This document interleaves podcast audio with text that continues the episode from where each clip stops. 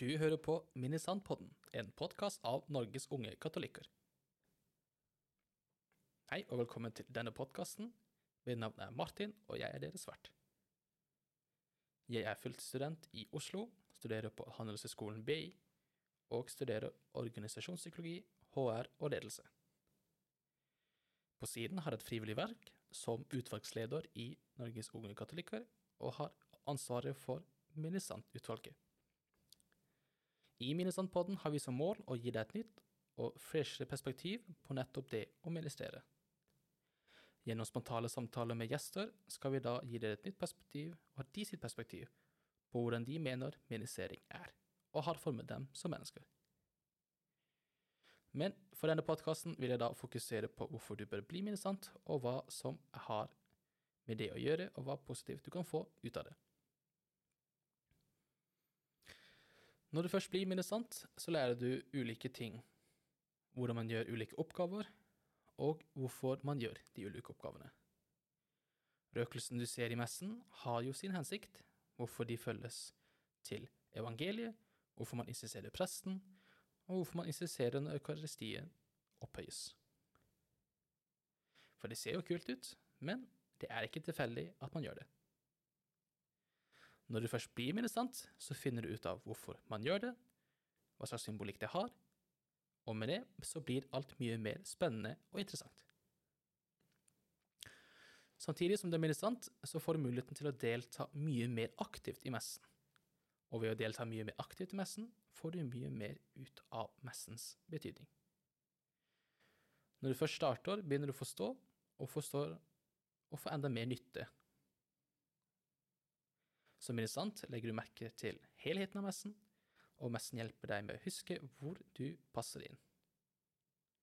Ved å fokusere og forstå hva som skjer, kan det føre til en større og dypere forståelse av ditt forhold til Gud, slik at du setter større pris på messen. Når du begynner som ministrant, så er det stor sannsynlighet for at det er ministranter i din menighet fra før av.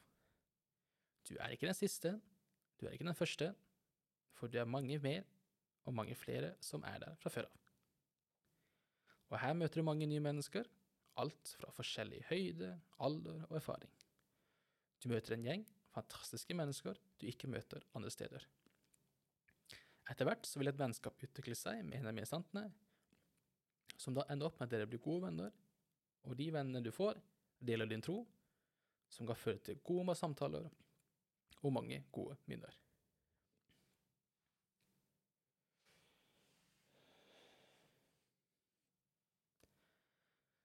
Som ministrant så vil dette da gi deg god livserfaring.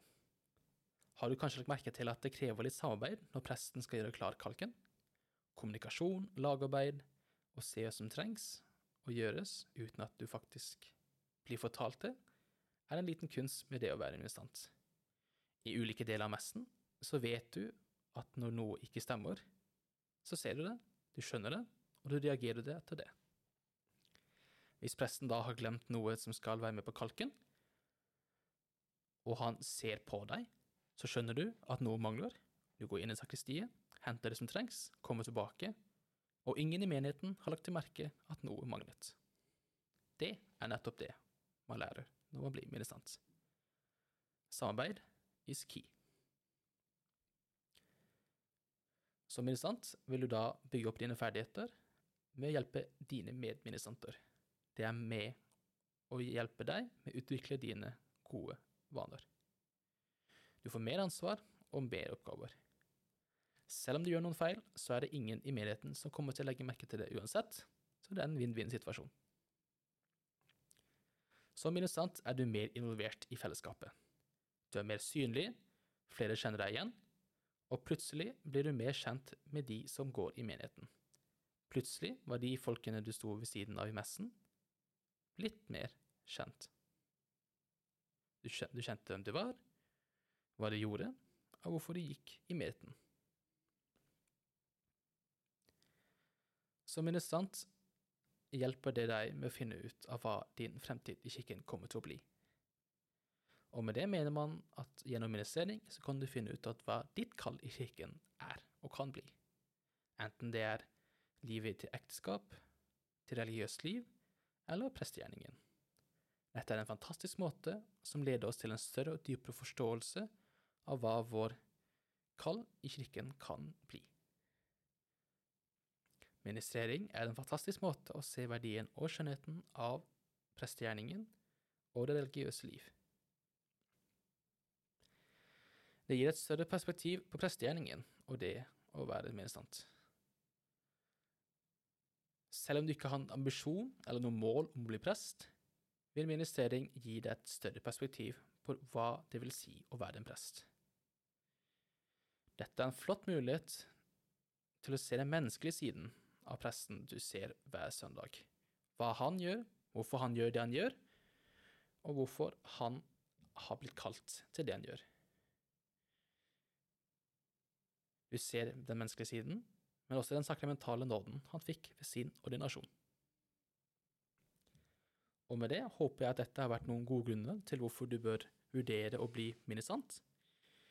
Og med det så håper jeg du tenker litt over det, reflekterer litt over det.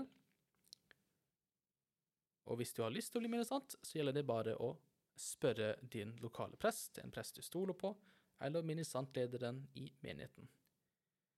Gjelder jo selvfølgelig å bare banke på døren til sakristiet og håpe at du møter mange gode, nye, flotte mennesker som da kommer til å bli dine gode venner i en god, lang tid. Eneste vi spør om, er at du tar det første steget og faktisk banker på døren.